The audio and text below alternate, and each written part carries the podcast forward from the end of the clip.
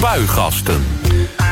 Een hele goede morgen op deze zaterdagochtend, 5 over 11 is het weer. Je luistert weer naar Spuigasten hier live vanuit de Centrale Bibliotheek aan het Spui. Tot 12 uur neem ik de afgelopen politieke week door en dat doe ik natuurlijk ook met mijn gasten.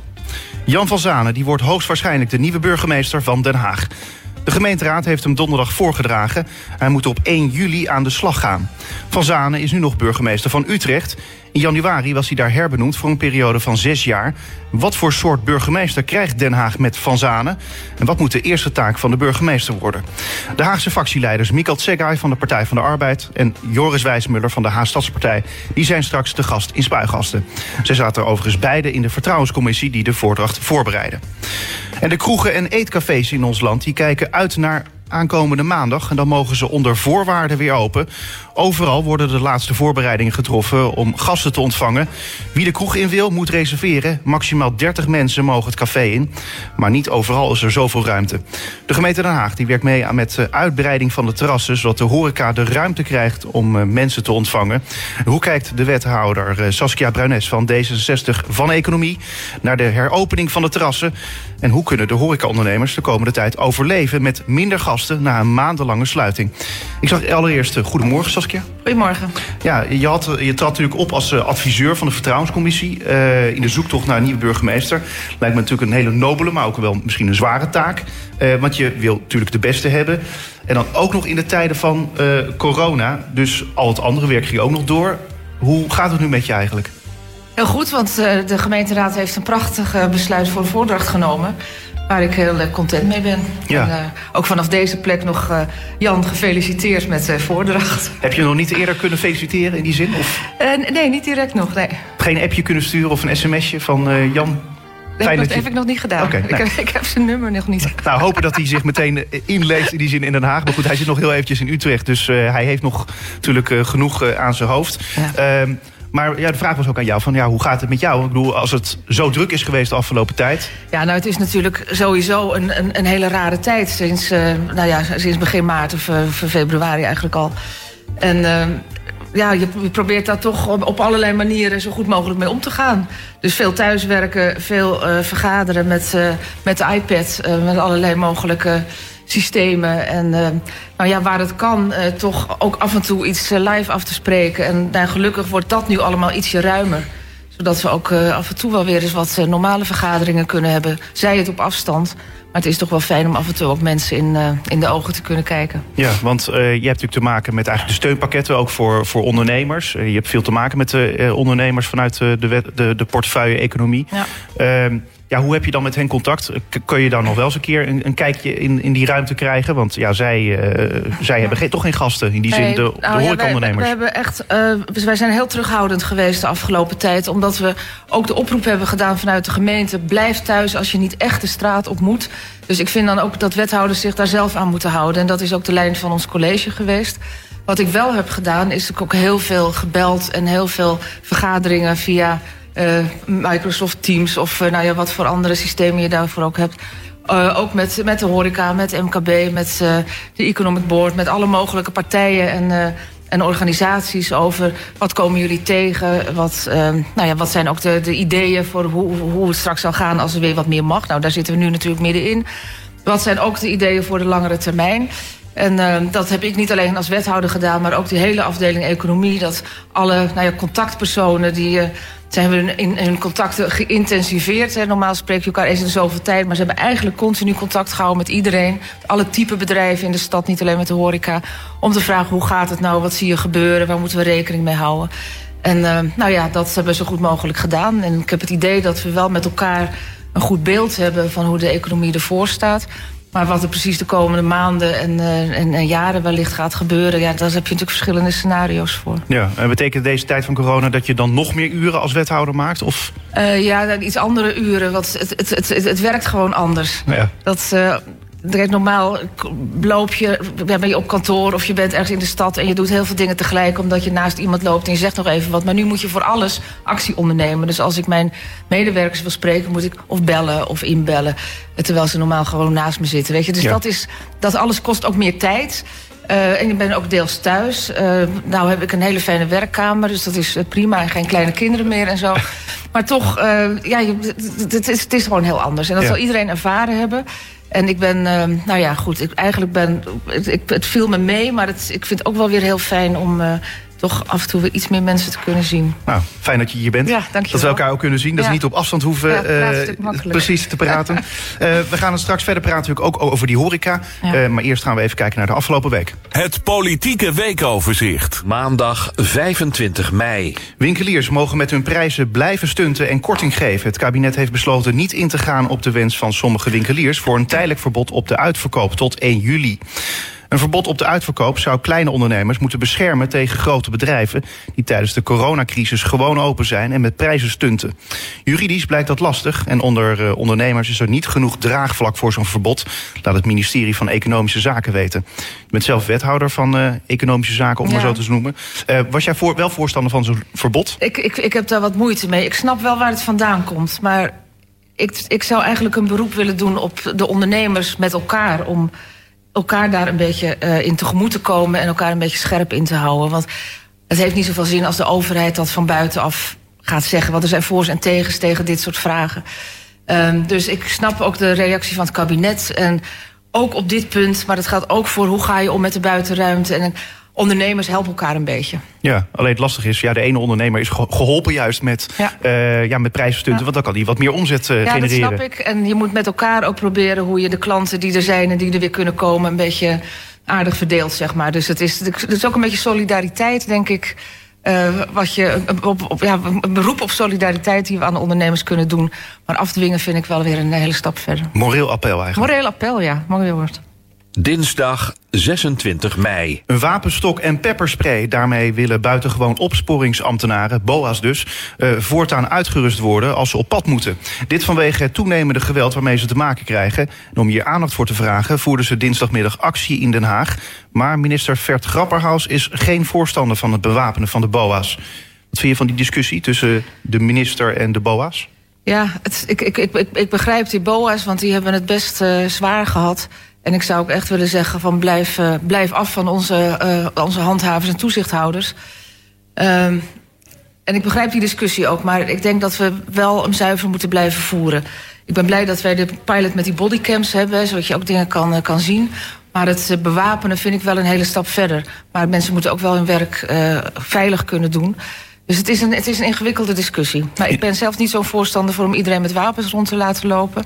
Maar ik vind wel dat mensen hun werk veilig kunnen doen. En ik snap ook heel erg de boosheid en de behoefte om te demonstreren. Dus daar zou ik ook absoluut uh, de ruimte voor willen geven. Nou, nou werk jij innig samen natuurlijk met Hilbert Bredemeijer. Want ja. uh, dit is ook op zijn portefeuille, uh, de, de handhavers. Heb jij enig idee of hij vanuit de gemeente Den Haag dan nog invloed probeert uit te oefenen uh, op zijn minister eigenlijk, ook van het CDA? Nee, de, de lijn die wij in het college hebben is uh, zoals, ik hem, uh, zoals ik hem nu zeg.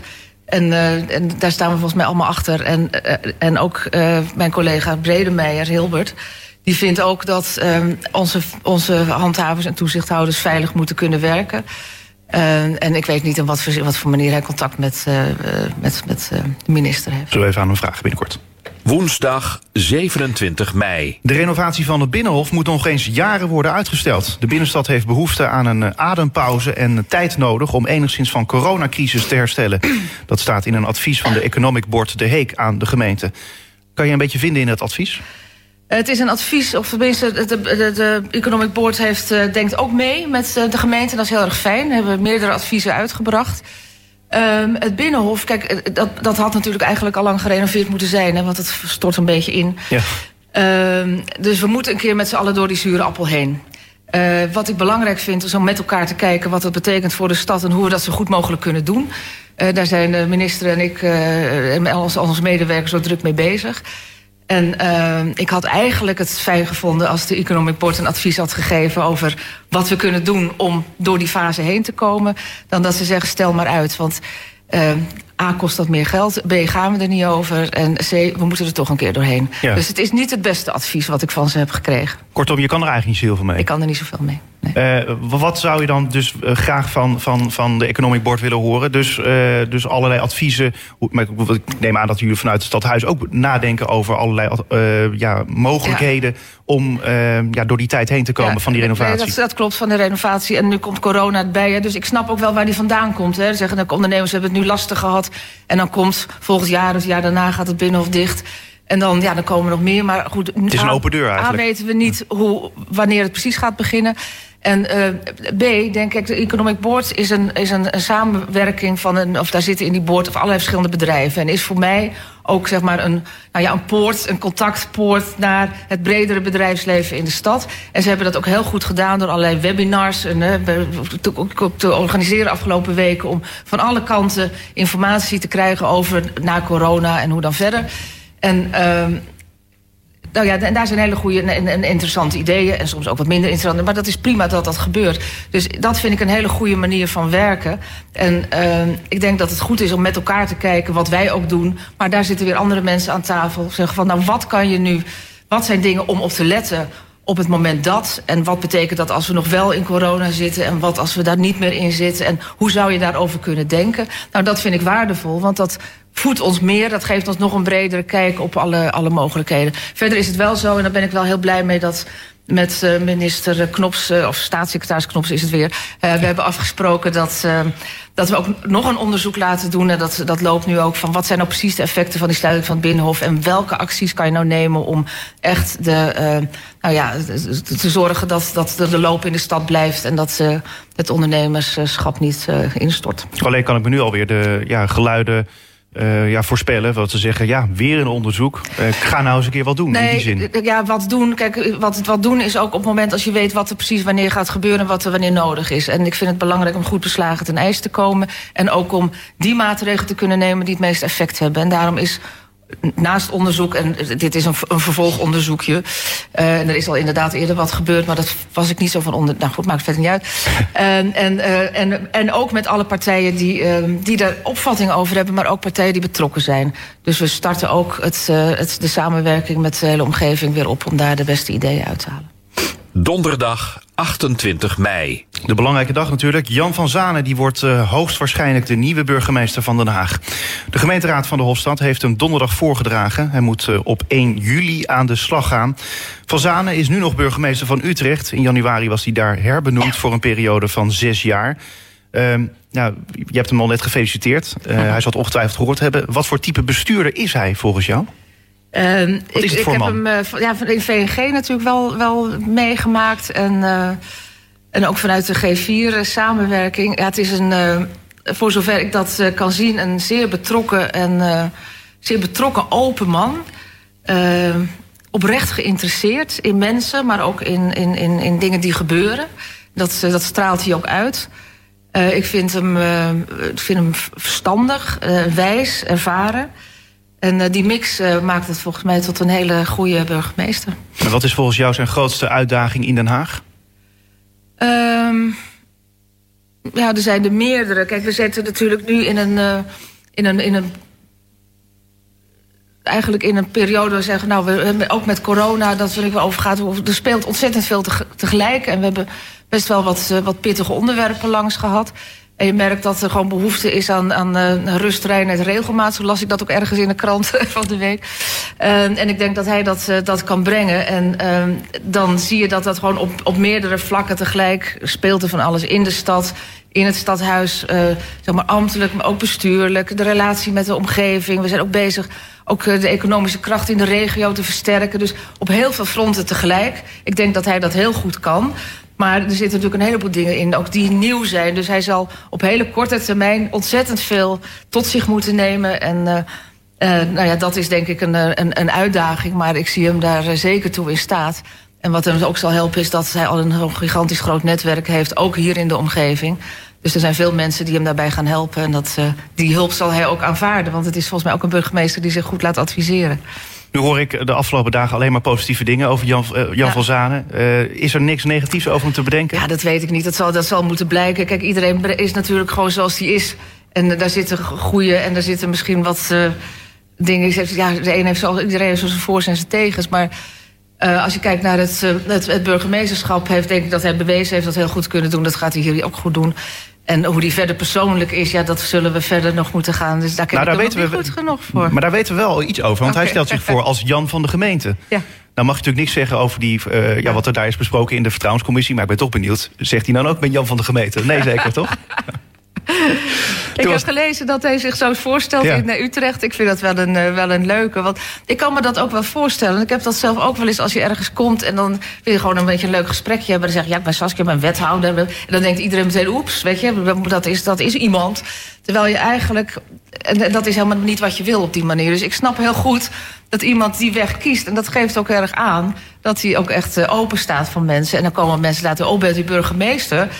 Maar dan is het ijs al gebroken en dan is dat, uh, is dat ook niet zo eng meer. Want ja. ja. je bent soms ook wel verbaasd door hoe.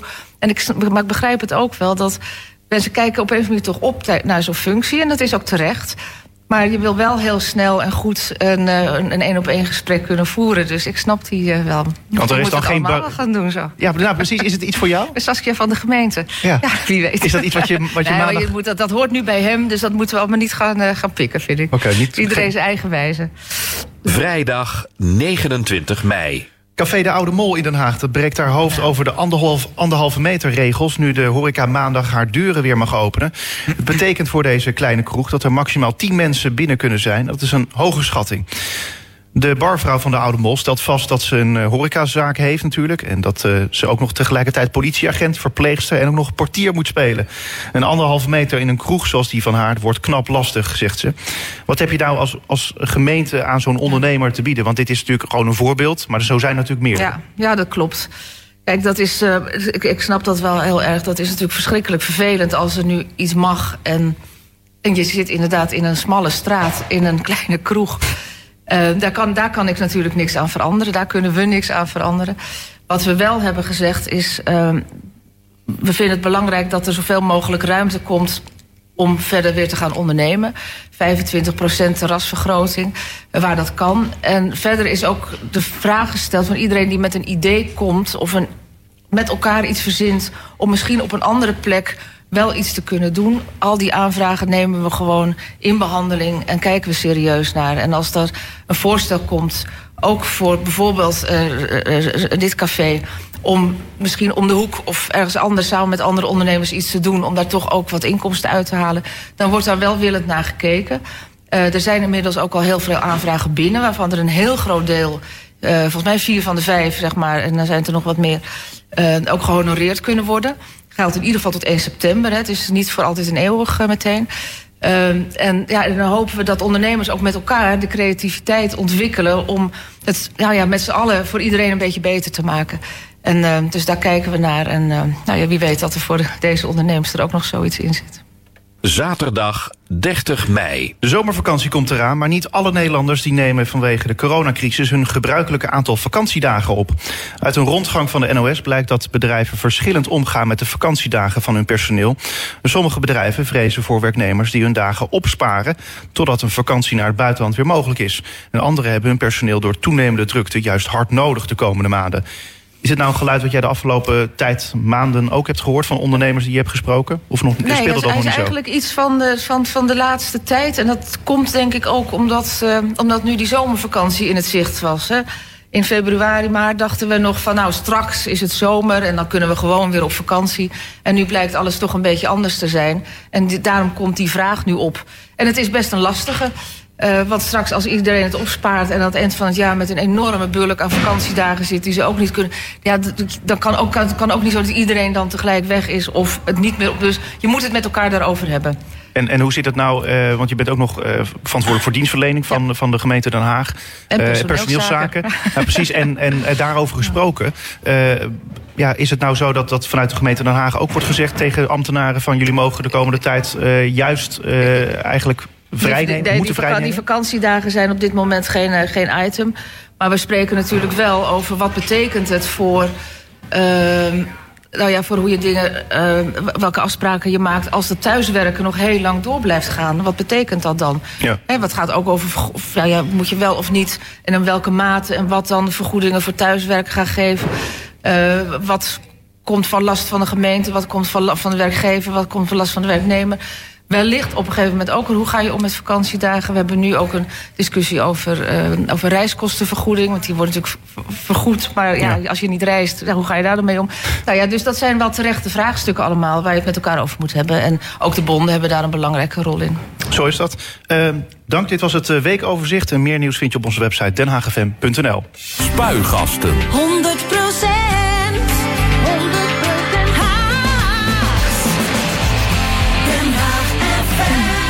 De kroegen en eetcafés in ons land kijken uit eh, naar natuurlijk eh, aankomende maandag. Want dan mogen ze weer eh, onder voorwaarden open. Overal worden de laatste voorbereidingen getroffen om gasten te ontvangen.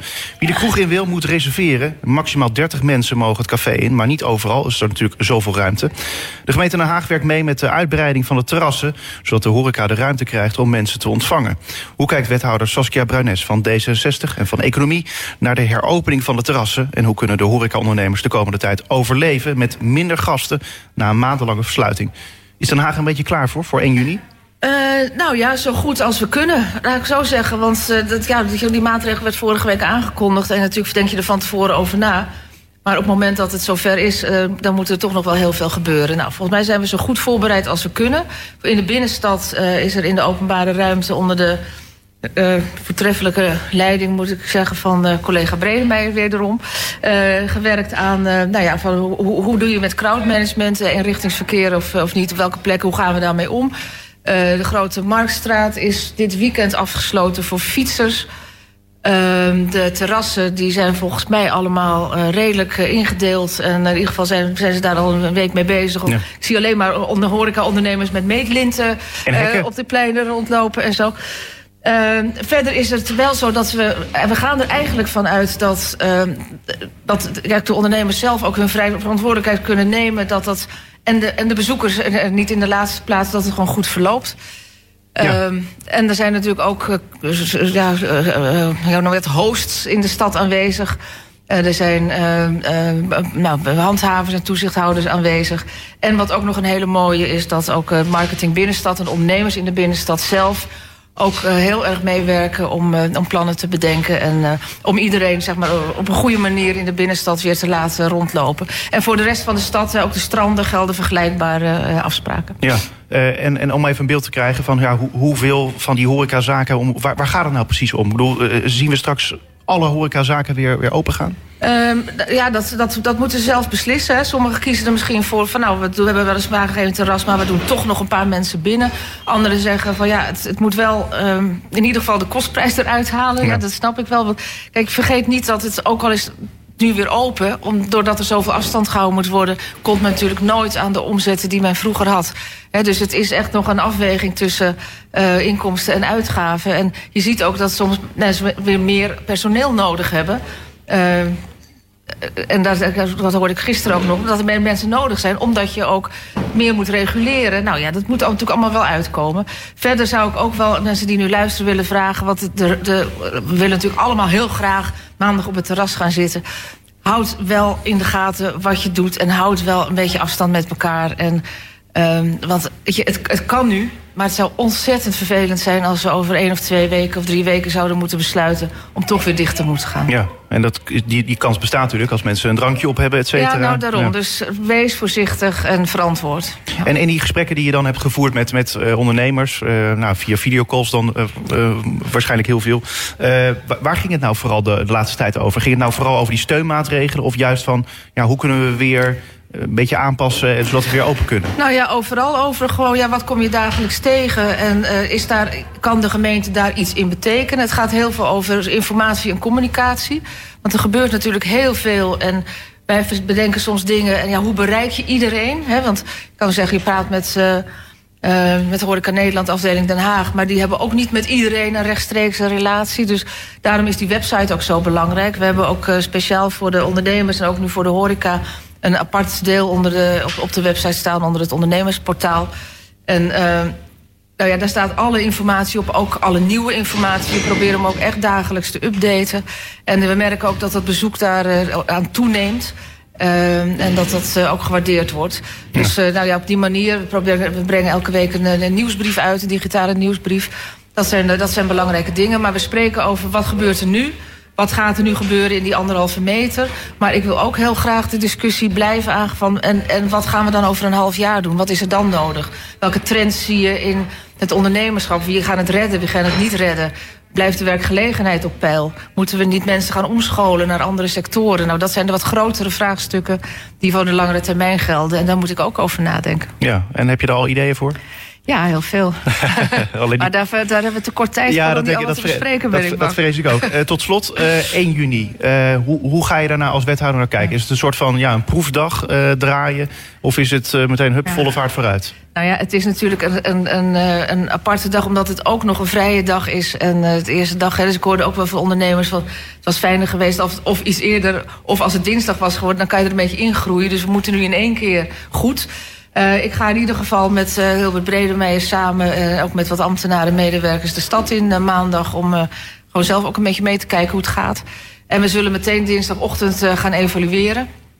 En dan kijken of er aanpassingen nodig zijn. En dat doen we natuurlijk ook samen met alle betrokken partijen. En zelf al ergens gereserveerd? Nee. Nee, nog niet. Nee. Ik, ik, mij lijkt als wethouder moet je toch ook even de proef op de som nemen, toch? Ja, maar ik, ga, ik, ik, ik, ik vind het leuk om even rond te lopen en langs te lopen. En als er ergens nog een plekje op een terras over is, ga ik misschien nog even zitten. Maar ik heb niet gereserveerd. Nou, ik zou gewoon zeggen, ik ben Saskia van de gemeente. Misschien, dat Saskia dan, van de gemeente. misschien gaan er dan deuren open. Of misschien beter toch Ja, ja. wethouder zeggen. Saskia Ja. Bruines, dankjewel. Hey, graag gedaan.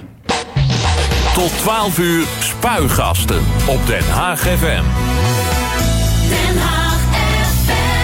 Gaan het hebben over Jan van Zanen, want hij wordt uh, hoogstwaarschijnlijk de nieuwe burgemeester van Den Haag. De gemeenteraad heeft hem donderdag voorgedragen. Laten we even luisteren nog.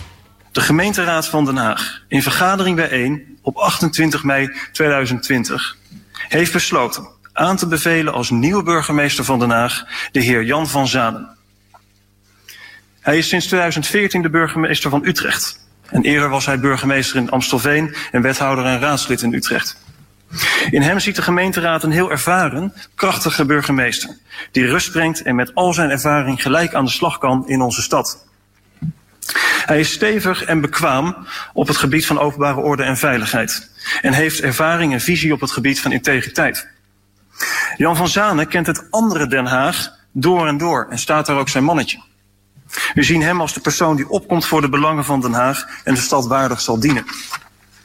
Van Zaan is authentiek, open en benaderbaar. In hem zien we een echte verbinder die past bij een diverse stad als Den Haag. We hebben er alle vertrouwen in dat hij het boegbeeld van de Hofstad wordt en het groen-gele bloed binnen de kortste keren door zijn aderen stroomt. En met zijn humor en sterke gezag zien we hem, de Haagse Raad en het college goed leiden. Jan van Zanen is een echte burgemeester van de stad en van de mensen. Zei Chris van der Helm, de voorzitter van het, pre- van het presidium natuurlijk ook, maar ook van de vertrouwenscommissie, eh, maakte Jan van Zanen dus bekend. Hij moet op eh, 1 juli Jan van Zanen dus aan de slag gaan. Hij is nu nog burgemeester van Utrecht. In januari was hij daar herbenoemd voor een periode van zes jaar. Maar ja, wat voor soort burgemeester krijgt Den Haag nou met Jan van Zanen? En wat moet de eerste taak van de burgemeester worden? De Haagse fractieleiders Mikal Tsegay van de Partij van de Arbeid en Joris Wijsmuller van de Haagstadspartij, die zijn te gast in uh, Spuigasten. En ze zaten overigens ook nog beide in de vertrouwenscommissie die de voordracht voorbereidde. Beide goedemorgen. Goedemorgen. Goedemorgen. Fijn dat jullie er zijn. Uh, van een schaal van 1 op 10, hoe blij ben je met Jan van Zanen, Mico? Nou, een tien. Ik heb hem zelf gekozen. Dus tien? eh, Ja. ja, hele aan. goede burgemeester. Joris, kan je daar nog overheen?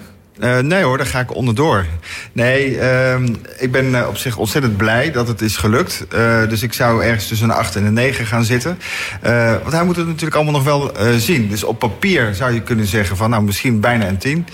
Uh, maar het is natuurlijk nog wel altijd de vraag hoe uh, een burgemeester die het nu heel goed doet in uh, Utrecht, hoe die het uh, in het Haagse gaat doen. En dat is andere koek. Het is even vergelijken van nou ja, een sterspeler van FC Utrecht hoeft het niet per se natuurlijk ook goed te doen in het team van ADO Den Haag, om maar even iets te noemen.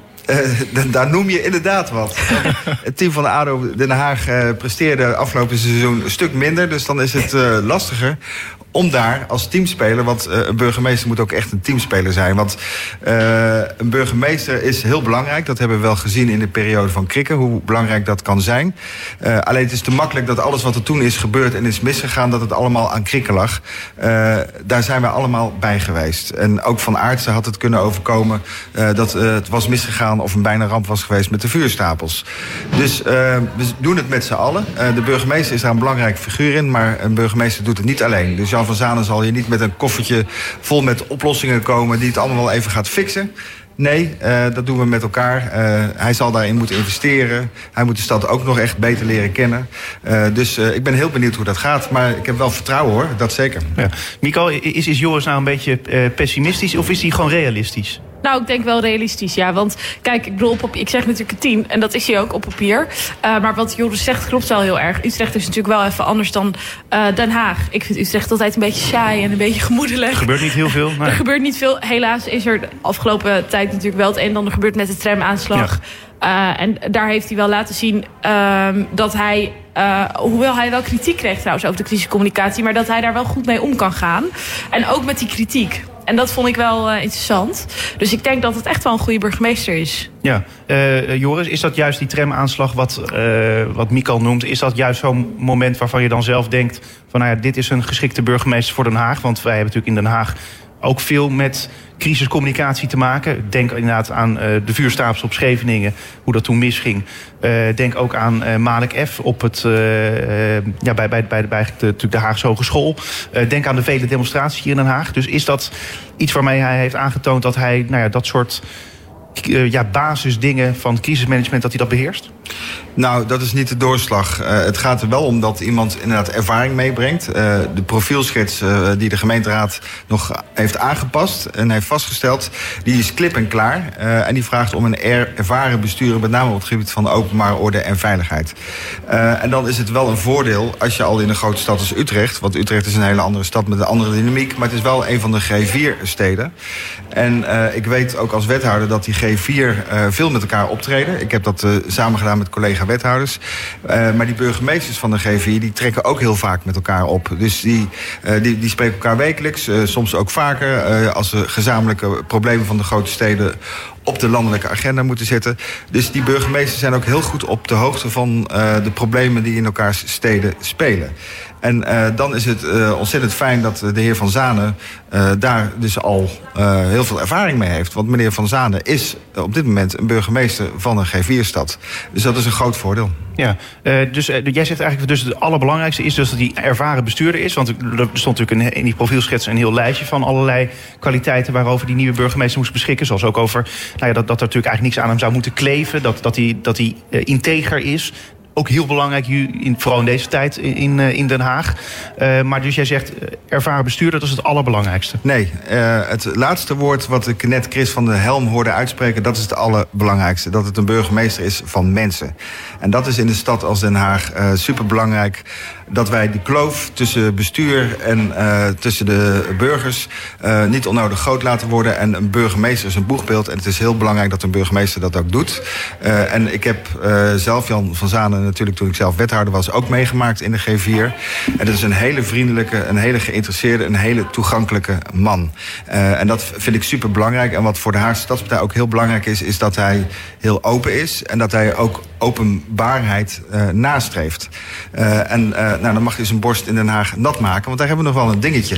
En wij, wij grapten al in de fractie met elkaar van... Uh, uh, als Remkes op 1 juli vertrekt... nou, het ziet er naar uit dat dat nu allemaal kan gebeuren... dan kunnen we hem als cadeau de kluis meegeven. Want die hebben we hier in Den Haag niet meer nodig. We willen openbaarheid. Dus ik ben heel benieuwd hoe de heer Van Zanen daarmee omgaat. Ja, nou ja, Joris snijdt natuurlijk verschillende punten eigenlijk aan... waarover die nieuwe burgemeester beschikt, of zou beschikken in elk geval. Uh, Mico, wat is volgens jou het uh, belangrijkste wat Jan van Zanen heeft... waarom hij burgemeester van Den Haag moet worden? Nou, ik denk toch die toegankelijkheid. Dus um, hij heeft die combinatie tussen uh, ervaring in een G4-stad, wat Joris net al zei, en dus toegankelijke man. Eh, en dat is wel belangrijk, want ik vind ook dat je een, burgemeester van Den Haag... moet je met een gerust hart in een buurthuis in Transvaal neer kunnen zetten. Eh, maar ook bij een eh eh, chique borrel in Benoordenhout. Eh want dat hoort er allemaal bij. Ehm, dus, en ik vind dat hij dat heel goed combineert. Hij, ik heb het idee dat hij, ook wat ik over hem heb gelezen... dat hij eh, met allerlei verschillende soorten mensen om kan gaan. Eh, maar ook in staat is om, om die mensen met elkaar te verbinden... op momenten dat dat nodig is, zoals bijvoorbeeld met die tramaanslag. Ja. Eh, dus dat vind ik eh, erg belangrijk. Maar als je naar eh, hem kijkt op het eerste gezicht, hij oogt een beetje eh, serieus. Ja. Hij komt not- notabene uit een eh, bankiersfamilie. Bankiersfamilie, krui, kruideniersfamilie. Nou, kruideniersfamilie, dat is ongeveer hetzelfde, toch? Nee, kaas. Nee, nee, kaas. Nee, Die, Maar eh, is nou, dat is kaas. overigens wat ik had, ergens had gelezen. Dat hij, nee, het is kaas. Oké, Uniekaas. Kijk eens aan. Mijn favoriete kaas. Maar eh, hij oogt wel als een beetje afstandelijke man, Ja. juist. Dat zou je zeggen. Ja, eh, en daar hebben we hem ook op bevraagd. Het is een echte burgemeester. Als je, eh, als je Jan van Zanen ziet, denk je, daar komt de burgemeester binnen. Maar zodra hij zijn mond opentrekt, eh is dat eh, weg eigenlijk. Dan denk je, hij stelt zich ook altijd voor als Jan van de gemeente, hè, heb ik begrepen. En dat eh, past ook wel eh, eh, bij hem. Dus hij, ja, hij is zich daarvan bewust, denk ik. Hè, over wat ik van hem gelezen heb. Eh, maar hij, hij, hij is wel echt in staat om dat, eh, om dat van zich af te werpen. En om gewoon mensen met een open vizier tegemoet te treden. Nou, dat, dat blijkt ook wel hoe Utrecht nu reageert. Hè? Dat, dat hij vertrekt. Want in Utrecht was het een, een schok. Ja. Eh, en Den Haag reageert op zich positief over het beeld wat we hebben. Maar ja, eerst zien dan geloven natuurlijk. Maar in Utrecht, eh, daar is het echt een verlies. En dat komt omdat het een, eh, een burgemeester is van heel de stad. Eh, en hij ziet er inderdaad eh, uit zoals hij eruit ziet. Maar het is ook gewoon een authentieke man. Ja. Ja. En ik, ik hoorde eh, een eh, interview met Henk Westbroek eh, op Den Haag FM eh gisteren. Eh, en die zegt daar he- hele rake dingen over. Eh, dat het ook, ik bedoel, Henk Westbroek. Niet toevallig dat Henk Westbroek het had over dat hij eh, met Van Zanen dan een biertje wilde drinken. Ehm, maar dat deed hij vooral omdat, eh, omdat hij echt is, zeg maar. Eh, en omdat hij authentiek is. En dat is denk ik heel belangrijk. En dan kan je eruit zien zoals je eruit ziet. Maar als dat de basis is. En, en, en wat, ik, wat mij opviel in de filmpjes die ik zag met Van, A, met, van Zanen. is de liefde die hij uitsprak voor mensen. Eh, en eh, als je op die manier mensen tegemoet treedt, authentiek eh, en met eh, nieuwsgierigheid en, en met liefde, eh, nou, dan heb je al eh, heel veel gewonnen. Ja.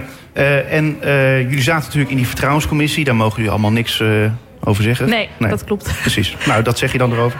Ehm, de laatste tijd is natuurlijk heel veel gelekt.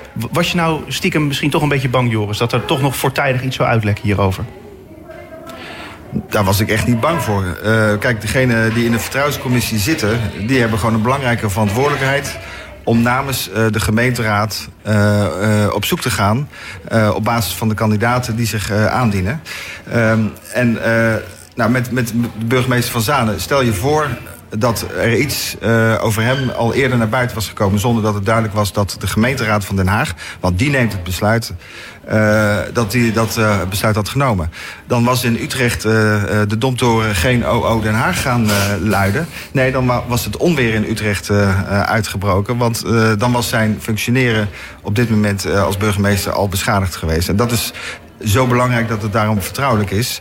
En eh, nou, iedereen is zich daar heel van doordrongen. En ja, als commissie hadden wij gewoon alleen als taak om ons werk grondig, gedegen en zo saai mogelijk eh, te doen. Nou, dat werk hebben we vol, volbracht. En eh, de gemeenteraad heeft een besluit genomen. En Ja. niet, niet wij. De gemeenteraad nee, heeft een besluit genomen. Zeker. Maar goed, die gemeenteraad, ja, daar had misschien ook nog iets uit kunnen lekken uiteindelijk. Toch? Ik denk dat iedereen, na alles wat er is gebeurd, eh, zich van eh, doordrongen was.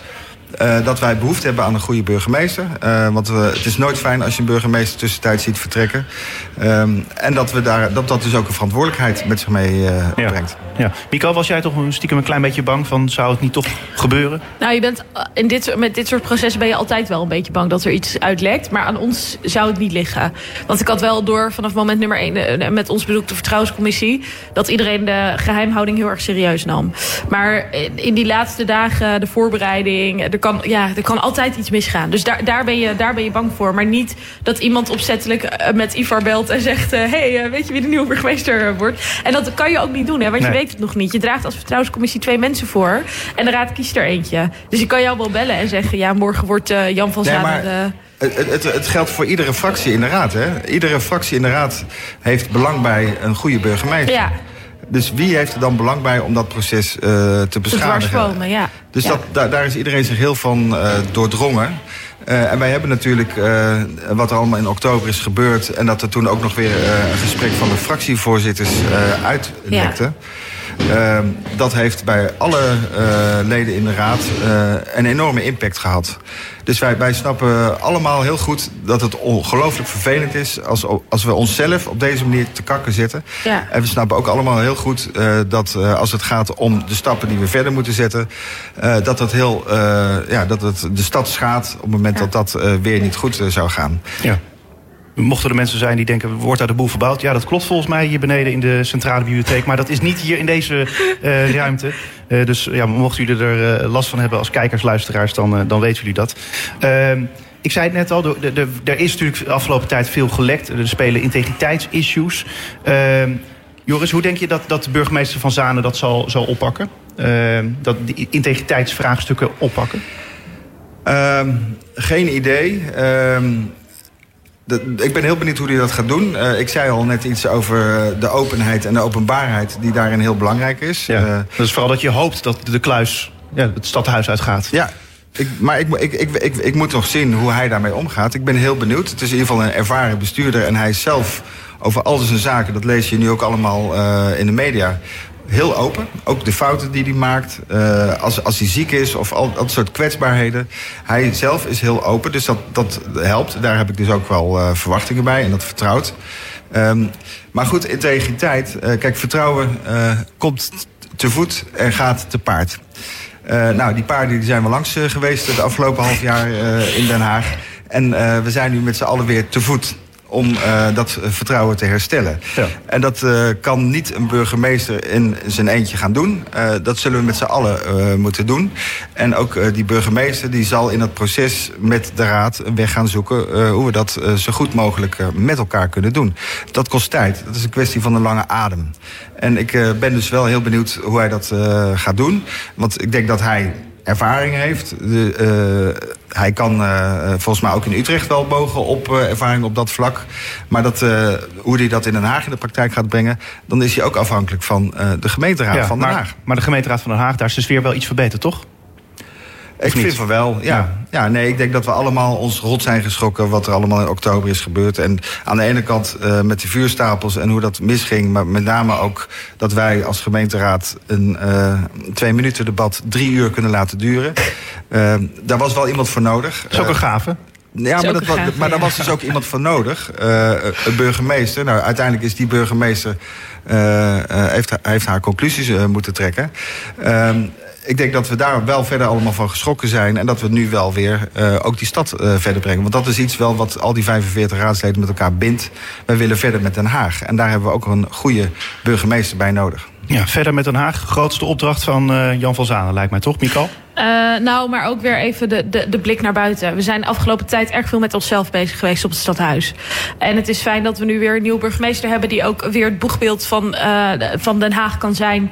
En ook juist voor de mensen in de stad er kan, eh, kan zijn. Eh, en hen ook het gevoel kan geven dat we niet meer zoveel met onszelf bezig zijn. Laten we even luisteren naar wat Jan van Zanen zelf denkt... over wat eh, zijn opdracht in Den Haag is. In Den Haag is, is de uitdaging dat de sociaal-economische verschillen... verschillen tussen mensen nog weer net iets groter zijn dan in Utrecht. Den Haag is de uitdaging dat er dingen met een, met een raad die heel... eh, eh, met heel veel fracties, 15 fracties... eh, waar, waar spannende dingen zijn gebeurd de afgelopen tijd. Ik denk en ik hoop dat ik daaraan kan bijdragen. In ieder geval heeft de Vertrouwenscommissie en vanavond de gemeenteraad van Den Haag me voorgedragen. Ik ga mijn best doen, zoals ik dat hier ook altijd gedaan heb al 27 jaar lang. Ja, stelt je dit je gerust, Joris? De spannende dingen, daar gaat hij wat aan doen? Nou ja, hij, hij snapt wat, wat, wat, eh, wat de problemen zijn die in Den Ja. Spelen. Maar ik denk dat iedere kandidaat dat snapt. Ja. Eh, en daar geeft hij nu ook eh, blijk van. En ik hoor hem ook zeggen dat, dat we dat ook met elkaar gaan doen. En dat, dat is denk ik de basis. Dus ik ben heel benieuwd. Ja. Hij moet het nu gaan waarmaken. En ik, ik heb natuurlijk inmiddels... wordt Van Zanen de vijfde burgemeester eh, die ik ga meemaken. Dat zijn er eigenlijk twee te veel. Want een tussentijds vertrekkende burgemeester... waardoor er ook een waarnemer moet komen... dat wil je eigenlijk nooit meemaken. Eh, maar goed, ik heb dus heel veel verschillende burgemeesters eh, meegemaakt. Maar reken jij nou ook nog Jette Kleinsma mij? Want die was er ook nog heel even Nee, nee, nee, dat was een loco. Loco, nee, nee, nee, nee. Ik heb, ik heb Deetman meegemaakt. Ik heb Van Aartsen meegemaakt. Ik heb Krikken meegemaakt. Ik heb Remkes nu maak ik mee. En vervolgens gaan we de heer Van Zanen beleven.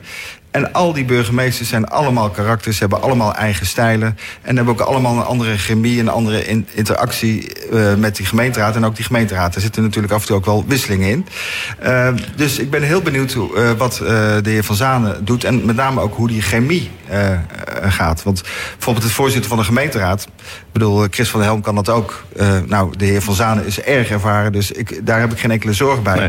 Maar ik ben wel heel benieuwd hoe hij dat gaat doen. Ik ben Ja. wel heel benieuwd hoe hij eh, op ons reageert en wij op hem. En hij zal wel even moeten winnen met ons. En Nou wij- ja, en, en hij zegt ook vaak over zichzelf dat hij ongeduldig is hè, in de media. Eh, dat ziet hij als zijn eh, grootste eh, imperfectie. Ja, dat is wel lastig in Den Haag. Ja, of juist misschien wel weer goed voor die gemeenteraad om die voor te zitten, toch? Als je ongeduldig wordt, dan gaat het misschien wat sneller. Ja, maar dat wordt dus wel een kwestie van de balans daarin vinden. Want je moet wel gewoon accepteren, we hebben nou eenmaal 15 fracties. En eh, ook al gaat het over de bushalte eh, op de Hoefkade... alle 15 fracties krijgen het woord. En dat kan soms lang duren. Dus eh, het is de balans daarin zoeken. En de gemeenteraadsvergaderingen mogen best wat korter, voor mij ook zeker. Eh, maar ja, je moet, wel, eh, je moet wel accepteren dat het part of the job is, zeg maar volgens mij zijn we allemaal wel ongeduldig. Alleen iedereen op andere momenten. Ja, ja, dus dat, het- is, dat, ja. dat is de kunst. Ja. Hoe, ga, hoe ga je daar een gezamenlijk proces in baan leiden? En ik heb geen enkele illusie. de gemeenteraad heeft 45 raadsleden, heeft 15 fracties. Vijf daarvan moeten nu eh, na februari alweer een nieuwe begroting in elkaar timmeren. Want na corona is het allemaal achterhaald. Dat is allemaal geen kattenpis. Dus het zal hier nooit rustig worden. En er zitten allerlei verschillende belangen bij. Eh, en eh, wat dat betreft eh, zullen we allemaal nooit hetzelfde vinden. Eh, maar hoe we daar een, go- een goed collectief proces van maken... eh, ja, daar is een, een voorzitter natuurlijk wel belangrijk bij. Dus ik ben heel benieuwd. Ja. Eh, wat wordt nou zijn eerste taak? Als hij nou op 1 juli het stadhuis binnenkomt lopen, wat gaat hij dan doen? De stad in. Zo snel mogelijk weer eruit. Oh, dus weer de, het gemeentehuis uit. Ja, Oké. hij moet de stad leren kennen. Dat zal Joris vast ook eh, Ja, natuurlijk. Willen. Hij, hij, ehm, de stad leren kennen. ja, hij, hij eh, eh, kent Den Haag wel. eh, want hij is natuurlijk eh, voorzitter van de VNG. Eh, Je kent en- alleen het Binnenhof waarschijnlijk. En dan kent hij het Binnenhof en dan kent hij de bestuurders... en dan kent hij de weg naar het kantoor van de VNG... want dat zit hier in Den Haag. Ehm, maar Den Haag is natuurlijk veel groter en vooral veel diverser. Ja. En eh, nou ja, goed, ik ken hem als een nieuwsgierige man. Eh, dus ik, ik vermoed dat hij eh, zichzelf ook echt in die stad wil onderdompelen. Dat hij wil verdwalen in Den Haag. Omdat hij Den Haag wil leren kennen. Ja. Maar dan moet hij dus ook in Den Haag gaan wonen. Waar zou hij volgens jou moeten gaan wonen? Een leuke wijk? Ehm, Of stadsdeel? Mag ook. Nou, ja, Breder. dat, op zich is dat wel interessant, inderdaad. Eh, Daar heb ik eerlijk gezegd nog niet over nagedacht. Ehm, het bepaalt inderdaad wel ook voor een deel wat je meekrijgt. Ehm, dus ik ben, eh, nou ja, hij zou inderdaad, eh, want hij heeft het zelf eh, eh, over, over eh, de kust. eh, en dat is natuurlijk aantrekkelijk en daar wil iedereen wel wonen. Maar het zou misschien hartstikke leuk zijn als hij in Laak komt, eh, komt te wonen. En dat hij van die kant eh, de stad Ja. eh, gaat eh, leren kennen. Ik vind een Schilderswijk of zo. Ben je ook lekker dicht eh, snel bij het stadhuis? Ja, toch? daarom. En dan zit je wel echt... eh, dat is toch wel wat anders dan eh chic op het Noordeinde gaan wonen of zo. Dus eh, ja, zoiets. Dat Maar zou hem wel sieren. Hij heeft wel een opgave om hier echt zo snel mogelijk te komen wonen. Ja. Ja. Want dat is de enige manier om hier ook echt goed burgemeester Ja. te kunnen zijn. Dus, eh, en de tijd is kort. Eh, met dank aan Johan Remkes, die een deadline heeft gesteld.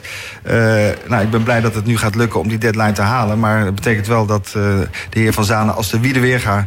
een geschikte woning in Den Haag moet gaan vinden. En ik hoop dat dat eh, voor... En Utrecht van zich eh, afschudden. Ja. Hij moet even gaan funda, denk ik. Toch?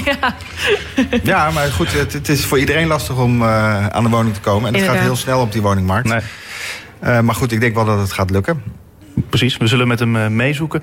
Eh, dank Mikael Tsekhuis van de Partij van de Arbeid... en Joris Wijsmuller van de Haagse Stadspartij... dat jullie hier waren. En dat ja, jullie hebben toch best wel wat kunnen zeggen... ondanks dat jullie in de vertrouwenscommissie eh, Ja, zaten. wij zijn fractievoorzitters en wij hebben Ja. natuurlijk een kijk op de stad. Zeker. Een kijk op de nieuwe burgemeester die gaat komen. Zonder mij- dat we iets hoeven te zeggen over de vertrouwenscommissie. Precies, ik ben mij bewust van eh, het verschil in eh, nou ja, eigenlijk de rollen die jullie eh, hebben. Dank jullie wel beiden. En dit was eh Spuigasten voor deze week. Ik zou zeggen bedankt voor het luisteren en tot volgende week.